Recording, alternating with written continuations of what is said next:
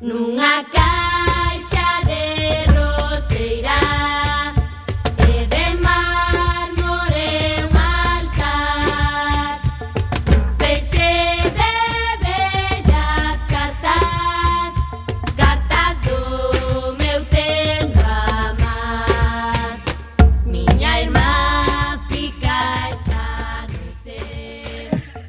Ola, que tal, recendeiras e recendeiros? Benvidas e benvidos a este espazo radiofónico semanal dedicado á cultura que facemos en rigoroso directo todos os martes ás 7 da tarde, aquí en Coac FM no 103.4, a Radio Comunitaria da Coruña.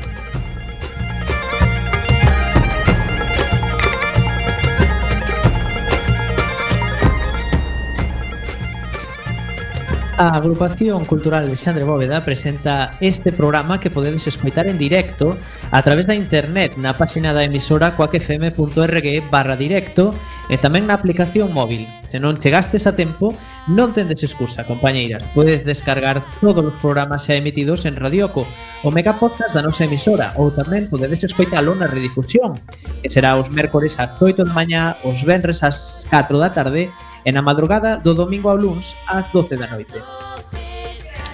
E a partir de agoda, seguídenos nas redes sociais, tanto deste programa Recendo como da propia agrupación cultural Alexandre Bóveda, que teñen abertas as súas canles en Instagram, Twitter e Facebook, ou na web www.acalexandrebóveda.gal.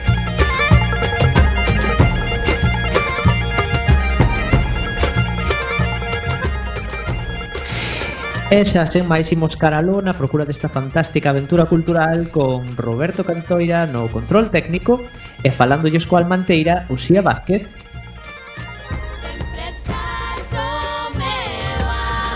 Xo, Miguel Anxo, como non.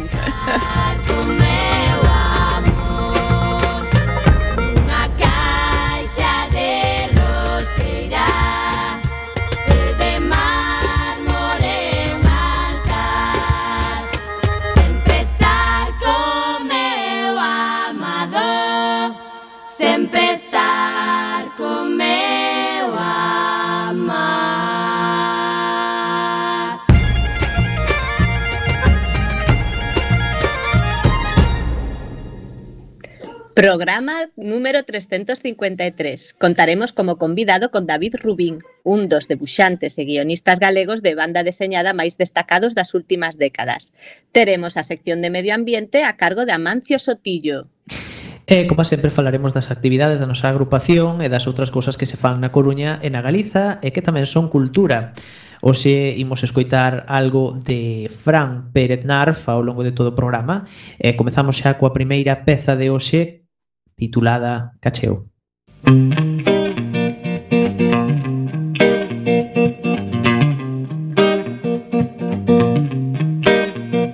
Cacheu, se um dia voltar, Cacheu, vou chegar e chorar. Cacheu, se esse dia chegar, Cacheu, vou voltar a chorar. Sol vai descendo pela vereda tropical. O tempo parou para contemplar os raios dourados do belo atardecer que eu vi para nunca esquecer. Que eu vi para nunca esquecer. Caminho de pó vermelho, caminho de pé, descalço, caminho de pão, tantas vezes roubado, Murcunda Santo, Tinegumbe e os filhos da terra, caminho do mar.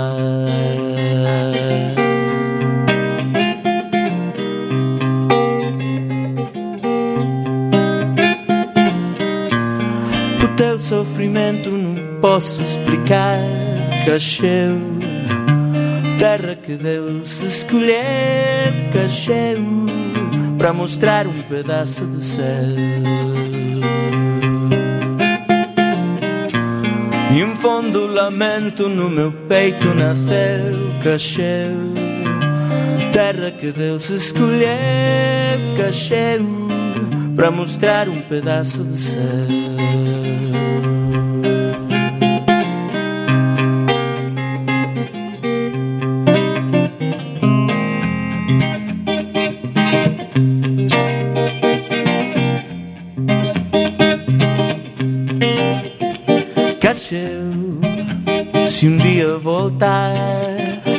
cacheu, vou chegar e chorar. Cacheu, se esse dia chegar, cacheu, vou voltar a chorar. Caminho de pó, vermelho, caminho de pé, descalço, caminho de pão tantas vezes roubado, Murcundegan Santo, Tinegumbe e os filhos da terra, caminho do mar.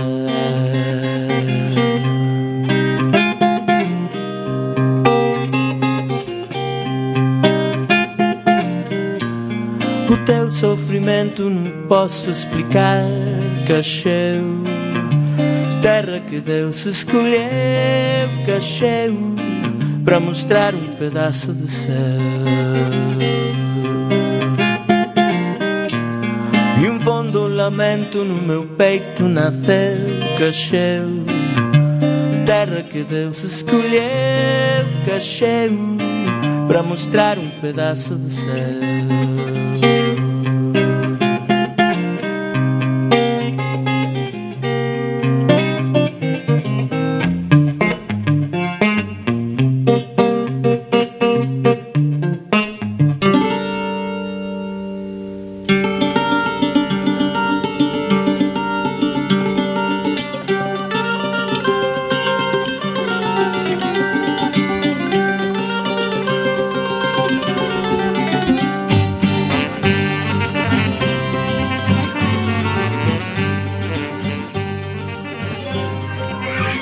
Comezamos coa xenda da Asociación Cultural Alexandre Bóveda. Comezan xa os nosos dous clubs de lectura.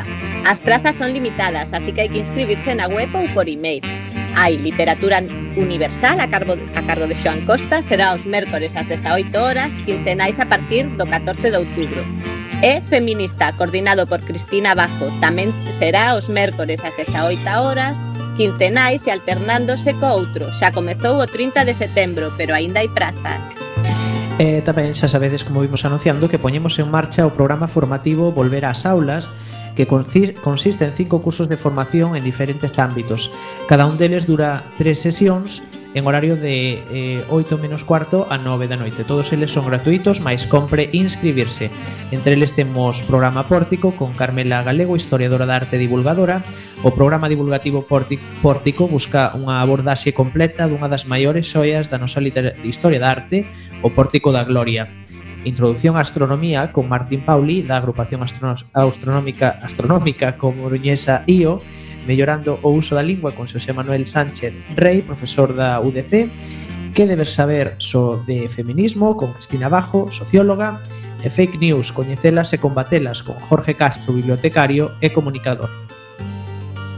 O mércores 21 Sofía Arangüena, xestora cultural e activista feminista, falará sobre o tema de Mulleres e Covid. Onde estamos, cara onde imos. A actividade encadrase dentro do ciclo Mulleres e Realidades Comuns, coa colaboración da Marcha Mundial das Mulleres. Será no noso local ás 19.30 horas.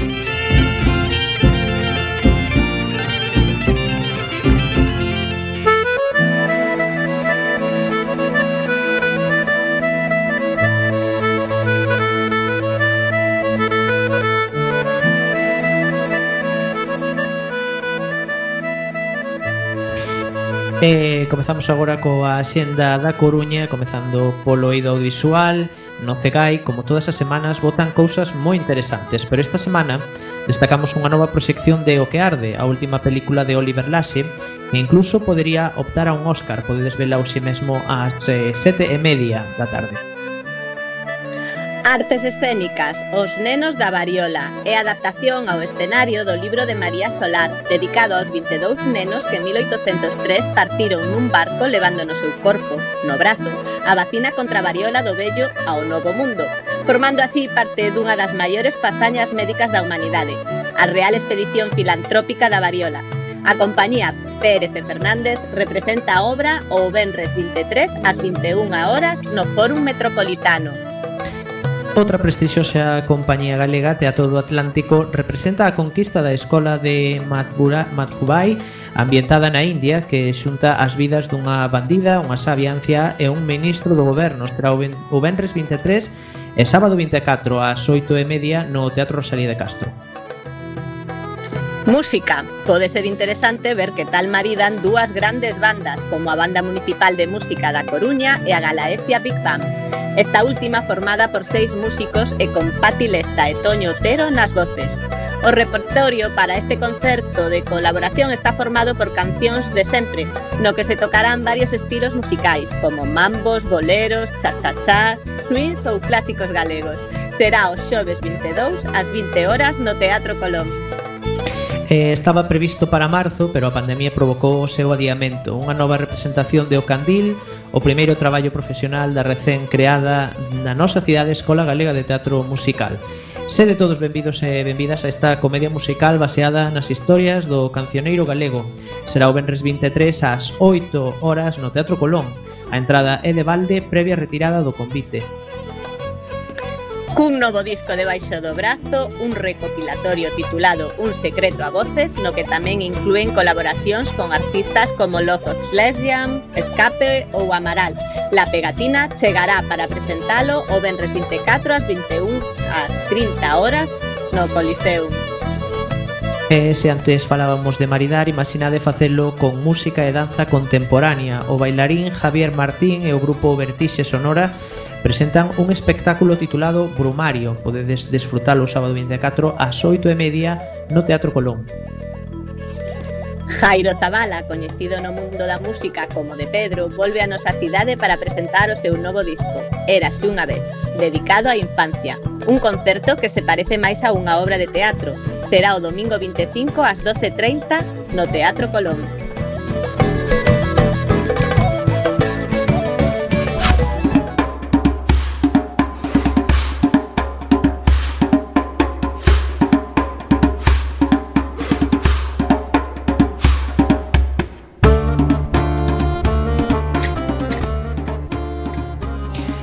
E agora chega o momento no que viaxamos por toda Galiza repasando a súa xenda cultural. Neste caso comezamos por Ferrol, onde fuxindo de clasificacións parcelarias o Ayatolá reclaman a ampla etiqueta pop como propia, intentando con isto apelar á sinxeleza, así como afastarse dunha diferenciación demasiado específica que consiga desvirtuar a súa mensaxe e a súa música. Actúan o sábado 24 ás 10 da noite na Sala Ruido.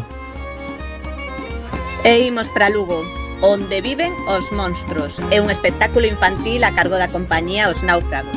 Baséase na obra homónima de Maurice Sendak, escritor estadounidense de orixe polaca, un fiel retrato da infancia, unha peza inspirada no clásico da literatura infantil, considerado álbum ilustrado perfecto que mestura fantasía e realidade por igual, trazando un fiel retrato da infancia. Pode verse o xoves 22 a 6 e media no Auditorio Municipal Gustavo Freire. Ourense, xa sabedes que está tendo moito éxito unha obra de teatro baseada no terrible incidente de Amanada nos Sanfermíns de 2016. Un dos actores é Martiño Rivas, podes vela de novo o domingo 25 ás 7 da tarde no Teatro Principal. En Vigo, o cantautor ferrolano Andrés Suárez comezou a tocar no metro e nas rúas de Madrid, pero agora xa enche recintos na península e en Latinoamérica. Actuou Benres 23 ás 21 horas no Auditorio do Mar. Santiago Berlai é o proxecto musical creado polo músico compostelán Xiao Berlai, un proxecto baseado nunha música sen complexos que bebe directamente da tradición galega, e do indie pop, do rock e da música electrónica. Actúa os xoves 22 ás 9 da noite na Casa das Crechas. Pontevedra, Guadi Galego está poñendo fin á xira do seu último disco Inmersión, xa que está preparándose ao seu seguinte traballo, Para celebralo actúa o sábado 24 ás 21 horas no Pazo da Cultura. E hoxe como vila convidada falamos das Pontes de García Rodríguez onde producións teatrais excéntricas a supercompañía galega na que se xuntan Kiko Cadaval, Mofa e Befa e outras estrelas da escena galega segue coa súa xira de medida por medida versión da obra de Shakespeare Actúan o Benres 23 ás 9 da noite no Auditorio Municipal Cine Alobi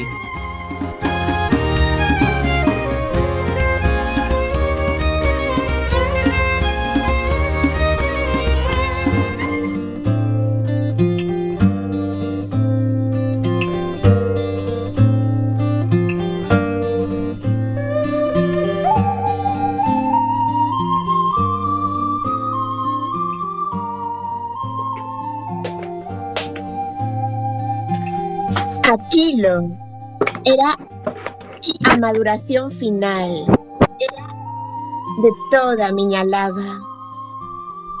E a entonación rotunda dos meus cantos de nena.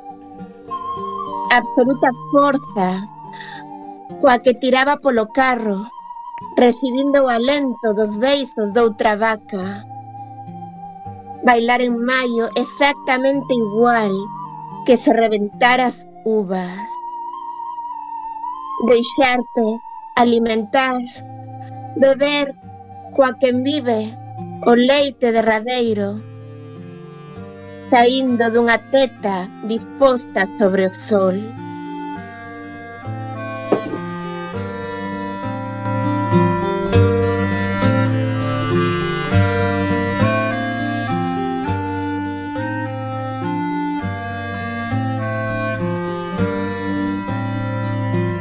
Acabades de escoitar o poema A teta sobre o sol de Olga Novo, extraído do seu primeiro poemario titulado tamén A teta sobre o sol, publicado no ano 1996.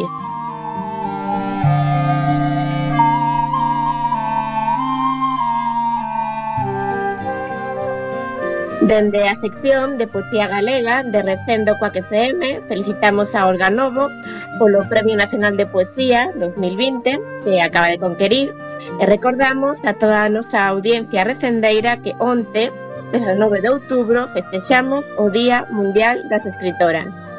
Parabéns para todas.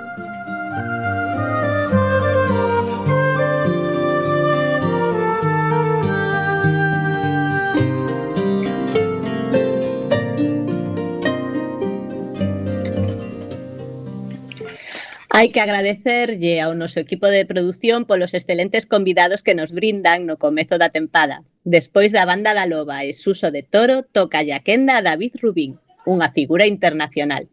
Hai 15 anos que David Rubín daba o gran salto dende os fanzines e as revistas ao álbum da manda editorial Astiberri, editorial a que al segue ligada a súa carreira.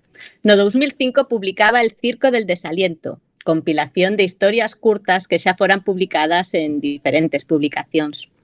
Logo viría Corazón de Tormentas e eh, La tetería del oso malayo, traballo polo que foi merecedor do galardón ao mellor autor revelación no Salón do Cómic de Barcelona. O éxito acadado pola tetería del oso malayo veríase superado por El héroe, unha adaptación en dous volumes dos traballos de Heracles unha obra de máis de 600 páxinas que consagrou a David Rubín e que converteu o converteu nun dos autores máis populares do país e o proxectou internacionalmente. A El héroe, a el héroe seguiulle outra adaptación dun mito, neste caso de Beowulf.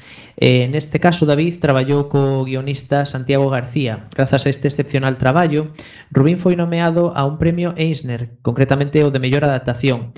Para os que non sodes moi afeccionados ao cómic, tende en conta que gañar un Eisner é algo así como recibir un Óscar do mundo do cómic. Eh, nos últimos anos, David eh, Rubín está traballando para editoriais americanas da man de guionistas de prestixio como John Arcudi, Matt Kint, J.T. Perry, Petty Eh, esta colaboración continuará no próximo ano, pois David Rubín editará o seu traballo con Neil Gaiman na actualización dos mitos nórdicos do autor británico. O vindeiro ano, David Rubín tamén publicará a súa próxima novela gráfica titulada El Fuego. Se non podedes a, aguantar as gañas de botarlle a man a este próximo lanzamento, hai a posibilidade de ir matando o mono visitando a exposición retrospectiva de David Rubín que dende setembro acolle a Fundación na súa sede de Ourense. Sen máis dilación, saudamos ao noso convidado, o debuxante guionista de cómics David Rubín. David, moi boas tardes. Hola, boas tardes, que tal? Aquí estamos. Que tal estás ti? Por Madrid estás, non? Bueno, sí, pois pues estou aquí no, no, no oco do furacán, metido E, eh, e nada, a verdade, levando o mellor que se pode isto e, e, e nada, e nada máis. Hai que, hai que aguantar o tipo. Hai que ir tirando, como se doite dicir. Hai que ir tirando, pues eh, así. Para comezar, que acabamos de mencionar tamén non o da, o da a fundación, o da na sede de Ourense, queríamos preguntarche como se orde a idea de montar esta, esta exposición retrospectiva da túa obra. Pois mira, foi unha proposta de, do comisario de exposición de Asier Mensuro, que co que eu xa traballara había uns anos nunha exposición colectiva que fixera co, co autor de cómics eh, vallisoletano eh, David Zaja. Entón, naquel, naquel momento, pois pues, esa, esa exposición viuse creo que en Coruña, viuse en Vigo, Eh, aí quedou a cousa. Eh, foi Asiero que me chamou, pois xa fará cousa, cousa dun ano, para comentarme a posibilidade de de, de facer unha eh, eh, monográfica miña, añadir máis obra da que xa había na que tiña con, con Aja, e, e facer unha, unha exposición ben grande e en Ourense. Esa era a idea mm. que, que el tiña xa na cabeza e a min parece moi fantástico, non? Porque Ourense é a miña cidade, a miña cidade natal, eu levo e visto a miña ourensanía polo mundo adiante sempre que vou por aí. Entón, eh, a verdade eh, que, que vamos, nin mo pensei dous veces. E así empezou. Empezamos mm. a, a ver que podíamos eh, como podíamos artellala, non, non quería que simplemente fose unha mostra do, do último ou do tal ou do máis coñecido, senón que quería que, que se vise unha especie de, de, de, de percorrido, non?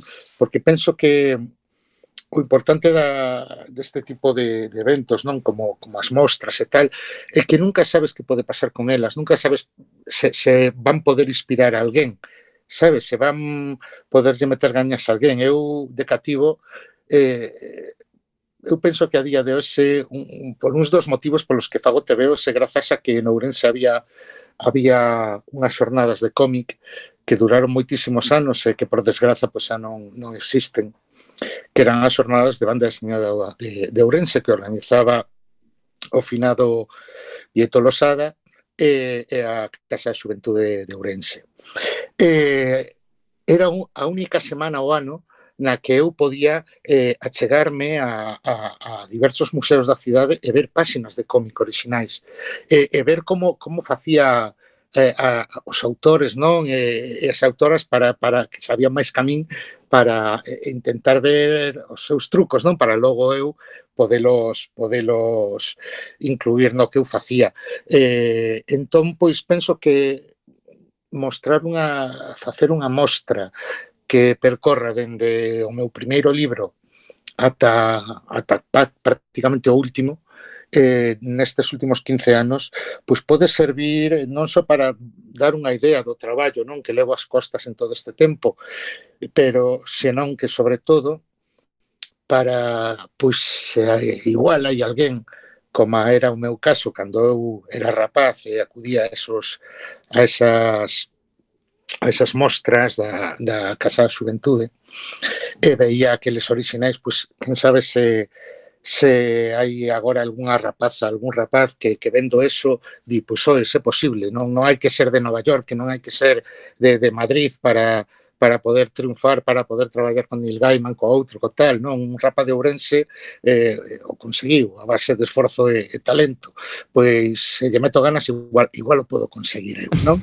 e igual, pois eso, dentro de de 10 ou 15 anos lle estades facendo unha entrevista a outra persoa que hoxe é visitante da miña expo. Ojalá sexa así. Pois cruzamos os dedos para que sexa así. Eh, en este caso, eh, como foi este reencontro coas túas primeiras obras? É algo que adoitas facer a miúdo? poder revisitar as túas obras anteriores, os teus traballos anteriores. A ver, non eu non son un así quen de, de lerme a mí mesmo, a verdade, non eu leome moito, eh, por sorte ou por desgraza, mentes estou traballando na obra. Estou continuamente durante meses, incluso a veces anos, eh, pasando unha e outra vez mil veces por enriba de cada páxina, repasando todo hasta que todo queda como como penso que que ten que quedar, non? E, eh, e, eh, e eh, logo xa o libro pois chega xente. Entón, unha vez que o libro chega ás librerías, a min xa non me preocupa máis. Eu xa estou pensando no seguinte. Nese, nese instante eu estou facendo, xa. Entón, eh, por un lado, pois eh, é algo que me alegra eh, e, e que me fai aprender tamén moito ver o meu ter a oportunidade de ver o meu traballo eh, pasado. Vexo os meus erros e tamén vexo os meus acertos. Vexo acertos que, que igual digo anda, mira, isto posiblemente o fixen porque daquela era supernovo eh, e, e lanceime, lanceime así o ruedo pois por, por, por pura inconsciencia, non? E, eh, eh, vou tentar recuperar un pouquiño de, dese impulso que tiña aos 20 e pico, non? Cando facía estas páxinas e tal, no que estou facendo agora. Cousas así sempre sempre me, me veñen á cabeza me, cando repaso eh, traballos meus. E claro, eu na casa pois non, non me dá por porme a, a mirar os meus orixinais. Entón, mm. eh, eh, o feito de que se faga unha expo, que teñas que estar elixindo, que teñas que estar eh, arriba deles, decidindo cal vai, cal non vai, como en que orden vai, van, todo eso, pois a verdade é un, un xeito de, de volver a, a reencontrarte contigo mesmo. Eh, mm. Non sei, é ben, é ben bonito, a verdade eu aprendo mogollón con estas cousas. E ademais deste último aspecto que nos comentaches, cando analizas a túa evolución, cando tes que bueno, ver as obras que vas usar, non? de que te sentes máis orgulloso? Pois a verdade é todo, non, non, non teño, digamos, unha... Hai obras as que lle tes un cariño especial, pero máis que pola obra en sí, pol, polas cousas que te trouxeron, non? Ou polas experiencias vitais que, que, que, que, que atopaches grazas a poder facer esa obra que, que saíra publicada, non? A xente que coñeciches grazas a eso, as experiencias todas, os viaxes, un montón de cousas. Eso que me fai ter ter, digamos, unhas máis favoritas que outras, non? Pero son por causas extrínsecas a propia obra. Eu a todas elas, a verdade, lles teño cariño porque incluso vendo os fallos, non? A, a día de hoxe, eh, a, moita, a moitas delas, a verdade é que non podo evitar eh, eh, non, non me sinto, sinto sinto que son miñas igualmente, non, non, non me sinto alleo a, a elas porque penso que en cada momento, no momento preciso onde fixen cada unha desas obras naqueles anos concretos e estaba facendo exactamente o que estou facendo agora, intentar dar o máximo do, do meu talento do talento que tiña por aquel entonces e do aprendizaxe que tiña carreado ata aquel entonces que fixen esa obra e a din por, ter, por rematada. E, e, e sigo traballando do mesmo xeito. Eu cada vez que fago unha obra nova, pois eh, tento dar o todo po, polo todo, pero cando remato xa sobes, sobes os erros intento, pois eso, fixarme no, no que fago mal, no que fago ben, para tentar non facer cometer os mesmos erros na seguinte e intentar subir un pouquiño máis o, o os peldaños non da dificultade e, e, e, e, e, das, e dos acertos, pois apoiándome nos acertos que tamén vexo nelas. E xa pasaron case 20 anos dende que fundaches Polaquia. Agora xa és debuxante profesional e consagrado. Que botas de menos daquela época? Home, moitas cousas, non? Eh, pois o tema de que por un lado debuxar, a ver, facer tebeos non era non era unha profesión naquele momento. Eso ten as súas cousas boas, as súas cousas malas. A día de hoxe, pois teño teño a sorte de que escribir e debuxar eh, é a miña profesión, é, é o meu sustento e ademais teño sorte de facer os, os tebeos que quero facer. Pero pero sí que a veces voto en falta ese, ese darme igual todo, non? Ese darte igual se si te vai ler alguén ou non, ese, esa despreocupación total de simplemente pensar en vou facer isto cos colegas e tal, está guai, pero penso que, que como todo, non? Son fases da vida e, e, e hai que hai que lembralas co, co bonito que tiveron pero hai que tamén eh, saber xuzgalas na súa propia medida, non non, non caer na nostalgia eh, porque eso es, sole ser pois sole ser un arma de doble fío bastante fastidiada. Entón, eu penso que, que o mellor Nestes casos é simplemente, pois eso, acordarte dos vos momentos, dos compañeiros, das vivencias que, que viviches, pero seguir pensando e mirando cara adiante, non? E, e, ver que, as, que, que evolucionaches, non? Ver que, que algo que naquel momento cando empezamos con Polaquia ningún de nós eh, pensaba que se podía dedicar a isto, non tiñamos nada claro, moitos ainda estaban eh, eh, estudando eh, a carreira, cousas así, non? E, e agora, pois, bueno, vas, vas vendo que que moitos me, Marríos ten unha, unha carreira fulgurante no cómic americano, eh, Alberto Vázquez está facendo películas e eh, recibindo premios a punta pala, non sei, e, e outros máis, non, que, que hai por aí, José Domingo, tantos outros, eh, que vas vendo que, que a maioría de nós pues, fomos dun xeito ou do outro abrindo camiño no que máis nos gustaba, non? Eso, a verdade, fantástico. E o xeito de seguir nun, pois adicándonos a isto, non? Eh, fai que tamén pois, nos coincidamos moito e, e sigamos, non, non nos temos perdido a pista, ni moito menos. E eh, hai un momento claro no que dixeches esta é a miña profesión? Sí, cando tiña 12 anos ou así. Cando tiña 12 anos eh, un día decateime de que, de que me divertía máis eh, escribindo e debuxando os meus propios tebeos, non? Que os, os escribía para darlle de comer o caixón, non, non nin soñaba sequera con, con publicar eso, nin nada, pero descubrín con máis ou menos esa idade, 12, 13 anos, que, que, me, de, que me divertía moito máis facendo os que lendo os que facían outros. Entón, eh, foi cando empecé a tomarmo en serio. O que pasa é que daquela non era como agora. Daquela non había internet, non había redes sociais. Non ser un rapaz de Ourense naquel momento que querías facer cómics era algo así como querer ser astronauta, sabes? Eh, non era, era algo inalcanzable, non ninguén daba un duro por ti e ti mesmo parecía a veces que que, que dicíase para que, para que tanto esforzo, non? pero a verdade pois non non decaín, eu penso que un que un dos un dos superpoderes máis máis importantes que pode ter un, un autor, un autor de cómic é a perseverancia, ou non deixarse caer, sobre todo os os comezos son moi jodidos, pero da igual que sexa cómic, da igual que sexa música, teatro, eh, narrativa, o que sexa, non? Calquer calquer, digamos, eido artístico que alguén que diga eu quero que isto sexa a miña profesión, quero pagar as facturas con isto, eh, vai ser jodido de conseguir, non? De chegar a esa parte na que por fin eh, eh, convertes en unha profesión de verdade, non? Non son unha ficción que se che dá máis ou menos ben. Entón, pois, eh, empecé eso a, o que fixen foi non, non darme por vencido, eh, loitar todo o que puden, eh, enfocar os meus estudios, eu fixen diseño gráfico na Escola de Arte de Ourense, e todos os traballos os enfocaba de cara ao oído do cómic, non? Inda que daquelas, agora creo que nesa escola sí que incluso se imparte tema de cómic e ilustración, daquelas non, eh, pero eu todo o que aprendía sempre estaba pensando para, para os meus alunos, isto vai me ser útil no futuro para, para facer tebeos, isto tal, tal. Entón, eh, foi un, un, un xeito de, de ir eh, eh, empapándome dun montón de cousas, dun montón de, de experiencias de lecturas, de, de visionados, de, de falar con xente, de intercambiar opinións con xente que sabía máis que min, e, e, e irme empapando de todo eso para, para logo non, que non se quedara sin máis, non, senón que eu chegaba logo a casa e me puña a practicar, non? E me puña a practicar todo eso que notaba que que, que iba aprendendo polo camiño, non todo eso que iba absorbendo. Eh, e logo nada, é empezar a publicar eh, agora incluso máis fácil, non? Daquelas tiñas que xuntarte cuns amigos, facer un fanzine por pasta, aínda que sexa pouca e tal, para sacalo adiante, poderlo imprimir e tal. Agora, co cómic online é facilísimo poder mostrar ao mundo o que faz, non? E, e, e as probabilidades de que cheguen os ollos adecuados son tamén moito máis altas que cando sacabas un fanzine con grapas. Ese, ese é o tema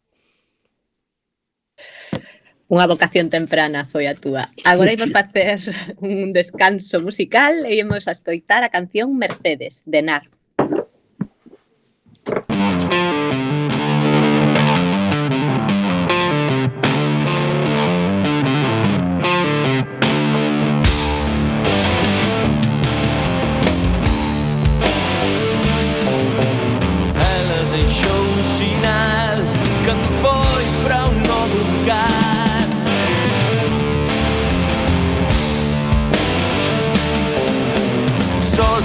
deixou-se nas mágoas que vinha.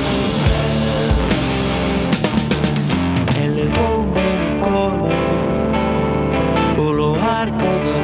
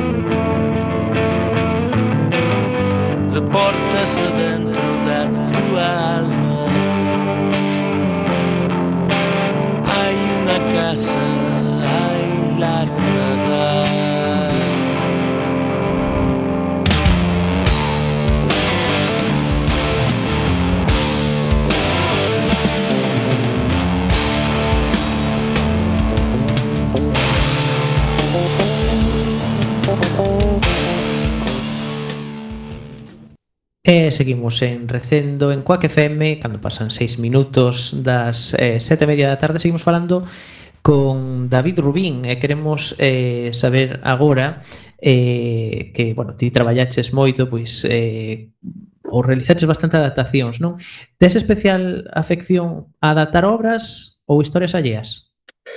Pois, pues, eh, se te digo a verdad, todo me veu así un pouco de, de casualidade, non non é que teña unha especial eh, eh, querencia por, por, por ese tipo de, de cousas, non por facer adaptacións, pero a verdade é que, home, pois son lector, gustame, gustame ler e eh, hai cousas que cando as estou lendo digo, ostras, isto molaba adaptar o cómic e tal, e podría quedar chulo e podría eu aportar algo a esta historia, non? E tal, eh, a través do meu medio.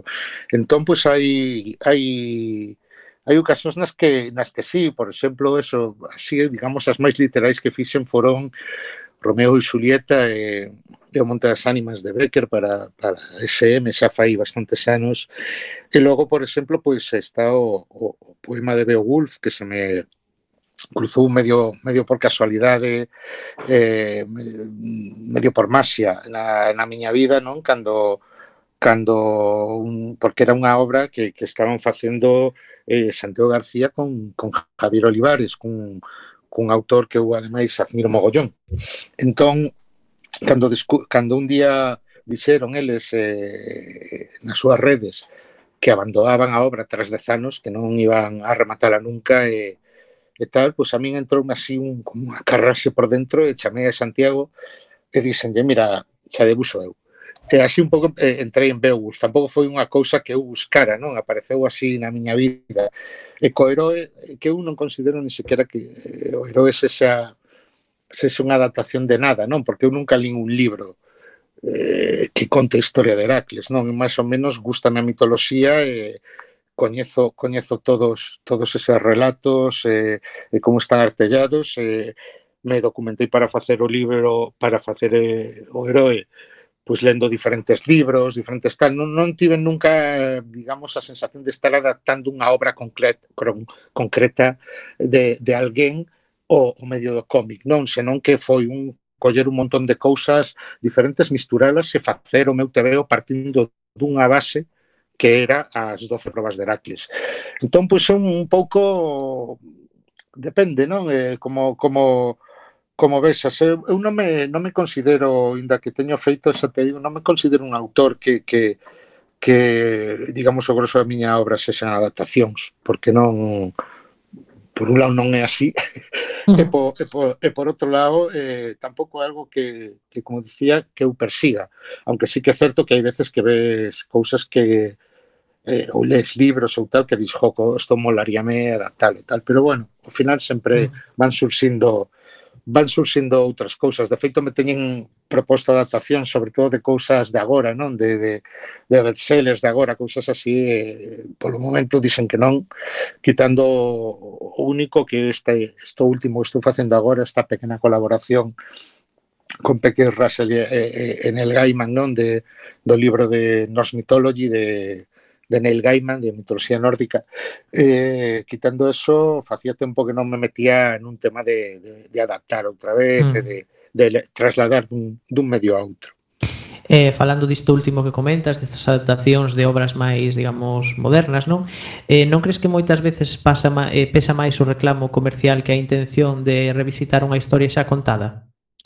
Bueno, hai casos e casos. Hai casos de adaptación só so o, o cómic de, de obras recentes, de libros ou así que que están reguletes e hai outras que están moi ben, non? Eu, mira, fai pouco lin dúas que me, me gustaron moitísimo. Unha foi a adaptación de Fariña, que, que fixo Luis Bustos, eh, fixo un cómic, a verdade, fantástico, fantástico porque porque o libro está moi guai e todo todo o rollo, pero a min o cómic incluso gustoume máis como adaptación, moito máis que a serie, porque é menos é, é menos fiel eh, no sentido de que, de que Luis, eh, Luis Bustos, o autor, o que fixo foi facer unha crónica periodística, como é o libro tamén, eh, en cómic usando un montón de os elementos do cómic para, pero dende un punto de vista 100% periodístico, non non digamos, non narrativo como como poido ser no, no, no caso da, da serie, non de Netflix e tal.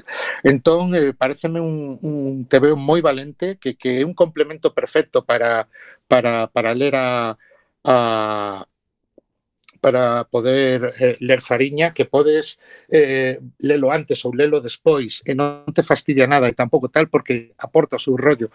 O mesmo temo que conta o mesmo. E logo outra que me gustou moito e que esta teño bastante recente porque a rematei de ler a semana pasada é a adaptación de Patria que agora está así moi en boga e tal tamén porque acaban mm. de, de sacar en HBO a, a serie e tal, pero hai unha adaptación que fixo un un autor que vive aquí en, vive en Barcelona, ainda que non me lembro agora como de onde cara ten, pero bueno, é, é, é un país aí do este e tal, pero é un, é un tío puta madre.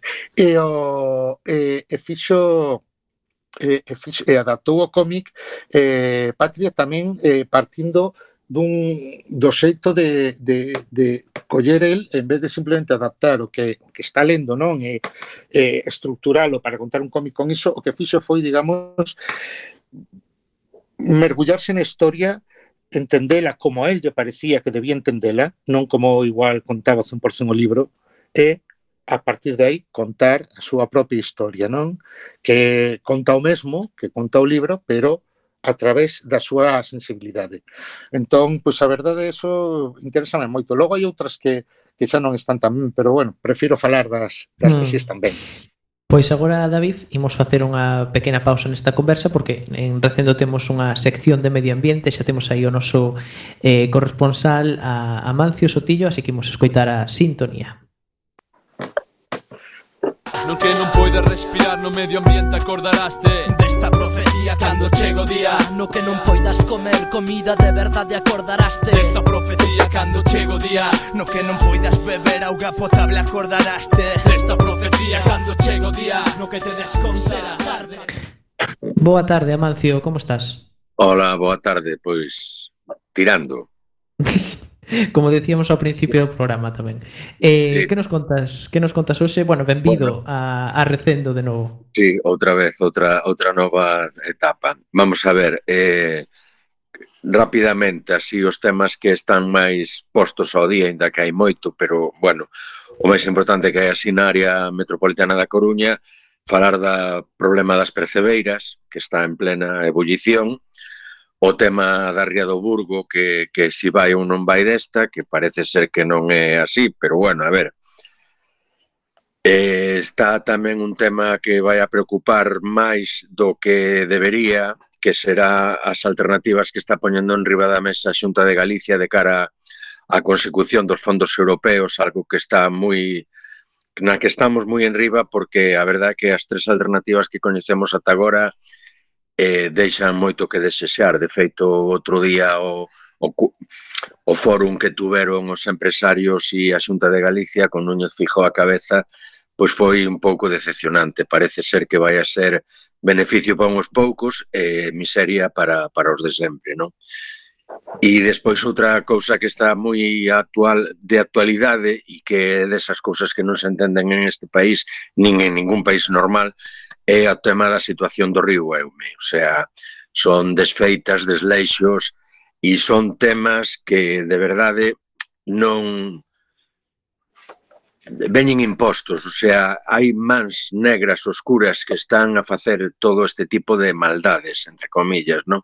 Son cousas que se poden evitar, podense evitar con un pouco de, de, de sensibilidade e un pouco de sentido común, porque o que estamos facendo é realmente cargándonos o, o noso planeta e estás vendo pois que estas cousas, pois eso, seguimos no ritmo especulativo construtivo sin máis, seguimos no tema do da Ría do Burgo sin máis, no da mobilidade, eh, xa digo, as alternativas estas que está propoñendo a Xunta de Galicia que, que, que desde o meu punto de vista cando temos que analizar aínda moito máis, pero dende xa dende o punto de vista do que se vai coñecendo pois pode ser eso un beneficio inmenso para, para catro empresas ou empresarios e nada máis. E o do río Eume, pois o de sempre, a utilización dun ben común, dun ben público como é a auga dun río para beneficio privado e coas consecuencias que trae e bueno, a ver si, si, si desta se levanta algo e tal. E eso é o que hai así telegráficamente. Supoño que, bueno, pois como teremos tempo ao longo do curso de, ir facendo eh, máis cousas máis concretas, non? Por, para empezar e poñer en riba da mesa pois ir mentalizándonos destas historias que considero que van a ser importantes en nestas vindeiras datas. Pois Mais moitas gracias, Amancio. Un saúdo. A vos, como sempre. Igualmente. Gracias. Veña, unha aperta. Chao, chao. Chao. E seguimos con David Rubín, estábamos falando das adaptacións, pero David, ti tamén creas historias orixinais nos teus cómics. Que historias te gustan contar? Pois non sei, eu penso que as, o feito de contar historias é un pouco como como todo nesta vida, non? Todo depende tamén da, da época que teñas ou, ou de ou de como vayas vivindo a, pasando a vida, non? Eu penso que as as vivencias, o como vas madurando, as cousas que te van ocurrindo e te van saltando camiño e te van cambiando, non? E, e, e tal eh, fan que tamén ti pois vayas tendo outro tipo de de, de intereses por contar cousas eh, que eh, nunha nunha época da túa vida poden ser dun xeito e na outra época da vida preocupanse outras cousas, non? Eu, por exemplo, agora boto a vista atrás e vexo que nas miñas primeiras historietas cortas, eh, na, nos meus primeiros libros, pois eh, o carácter das historias que contaba era moito máis intimista, moito máis incluso eh, eh, romántico, non? Falaba moito do, do amor, do desamor, da soidade, do, do, de, de todo o, o rollo ese da, da, da poesía do loser, non, e tal. Eh, eh, e ao mesmo tempo, non sei, logo vai pasando o tempo e, e tamén pois, outras cousas te van interesando máis ou, ou ti vas indote a outros lados. Agora, por exemplo, pois, eh, polas últimas obras así máis tal que fixen, sempre me, me o que máis me, me preocupa é digamos, o entorno, o entorno onde estou, contar cousas que reflexen un pouco onde teño onde teño os pés postos, non? En cada momento, non? Pois obras como Gran Hotel Abismo que, que fixen con Marcos Prior que é unha denuncia directa e salvaxe non sobre a, a onde nos está levando todo todo todo toda esta locura do neoliberalismo, non? E, e, e tal, que, eh, que, que parece que algúns ainda non se dan conta, pero, pero que algo terrorífico, mm. eh, as fake news e, e eh, toda esa movida, non? E, eh, e tal, e logo, eh, eh, non sei, incluso en obras como, como o heroe ou Beowulf, que, que son dun, digamos, dun calado máis, máis liviano en certo sentido, non máis aventureiro, máis eh, no fondo son aventuras as que estás contando. Eh, sí que sí que vas colando ou, ou, ou a veces vaise colando incluso sin que te, ti te, te decates eh, eh, temas eh, que te preocupan, non? Temas que te preocupan a nivel persoal. De feito, o, o, o heroe o utilicei un pouco como como metáfora dunha etapa da miña vida que estaba pasando eh, que era o, o comenzo dos 30 eh, eh, eh, eh, o encaramento no? o, o deixar de ser xa por fin un, o eterno adolescente e comezar a ser un home, non? E, e, e, e todo o que eso conleva, non? O, no fondo que do que estou falando nesa, nesa obra da que está todo maquillado con moita acción e, e moito colorido e tal, é do xeito de, de que a veces aprender aprender a a, a madurar aprender a, a que non hai que ter medo a, a tomar X decisións na túa vida non? Ou, ou a dar pasos cara adiante que, que sobre todo non ter medo a responsabilidade é algo que, que, que naquele entonces eu estaba cagado de medo con todas esas cousas, non? Ese, ese, ese estar bailando entre todavía ser eh, sentirte como un veinteañero que podes con todo eh, por outro lado darte conta que a volta de esquina están aos 40 non? E, e xa tes que ser eh, un home de proveito. Entón polo medio eh, eu fixe un montón de preguntas e o mellor xeito que atopei para para respondelas, pois, en vez de gastar na, a pasta nun, nun psiquiatra foi facer este TV de 600 páxinas que foi mm. o heroe, non? Coller, coller a idea coller esa base que comentaba antes, non? Da, das 12 probas de, de Heracles para usalas de, de, de, mm. de conductor para contar a través de iso todas esas cousas que no fondo eran o medo que eu tiña a, a, a responsabilidade, non? A madurez eh, mm. é o feito de como vas adquirindo non?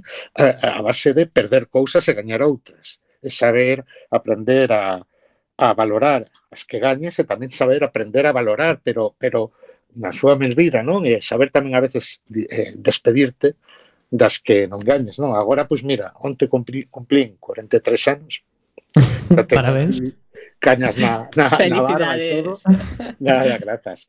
Eh, e tal, a día de hoxe son pai, eh, eran cousas que, por exemplo, cando eu estaba facendo o heroe ni, ni, ni me plantexaba, non? De feito, lembro outra, a miña primeira, a primeira obra que fixen para o mercado estadounidense, que foi eh, as, o, o díptico de, de Aurora West eh, con, xunto con Paul Pope, eh, cando comecei, era un, estaba contando unha historia dunha rapaza adolescente tal que está buscando o seu lugar no mundo, tal e cual, E, e, eso foi cando comecei o libro 1, non son dous libros ese, esa obra. Cando, cando comecei a debuxar o libro 2, eh, de repente xa sabía que iba a ser pai, cousa que non sabía cando estaba co libro 1. E cando rematei de debuxar, entreguei o, ese libro 2, xa era pai. E cambiou un montón de cousas en min, porque de feito a historia que estaba contando era no, do que falaba era da historia dunha filla do seu pai, non? E de como entenderse, de como tal. Entón, empecé tamén, mentras traballaba eh, nese libro, pois en darme conta a evolucionar eu e a velo de outro xeito, eso tamén penso que dun xeito ou outro rematou tamén calando no meu traballo a hora de traballar nel, non? Eu penso que ao final é eso, a vida vai, vai asomando, vai gañando terreo sempre eh, no, no, no, no teu traballo. Pois eso que o que sexa o que fagas, sexan tereos, sexan cancións, sexan poemas, eh, eh, o que sexa, sexa música, sempre o final é a vida que, pois... que un xeito de outro aparece. Pois, David, eh, imos chegando ao final desta conversa que nos está pasando rapidísimamente. Quedan uns tres minutos e queremos saber eh, se tes algunha novidade prevista para o ano que comeza nun par de meses. Pois mira, para, para o ano que comeza teño previsto a, na primeira metade do ano sacar Cosmic Detective, que é un... Penso que David. perdemos, perdemos a David ah, agora mesmo xusto pois. eh, pois poísenos eh, Ademais, nun momento no que o programa xa estamos rematando, quedanos moi pouco tempo, non sei se pode volver a conectar para despedirmonos de, de David. Vamos escoitando a música xa despedida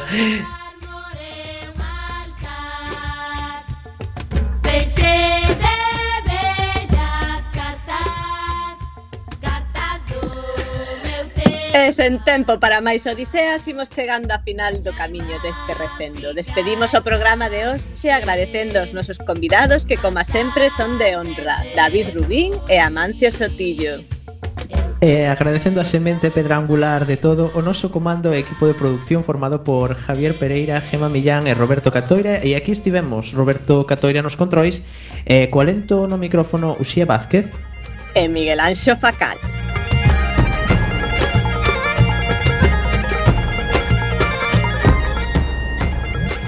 E acompañándote neste recendo de palabras e de imaxes radiofónicas que nos traen este aroma cantado da nosa lingua a que nos permite hoxe tamén no futuro a permanencia da palabra, da música e da implicación e o compromiso coa nosa nación a Galiza a o vindeiro martes. Temos que decirlle adeus tamén a David Rubín que o temos aí xusto agora conectado.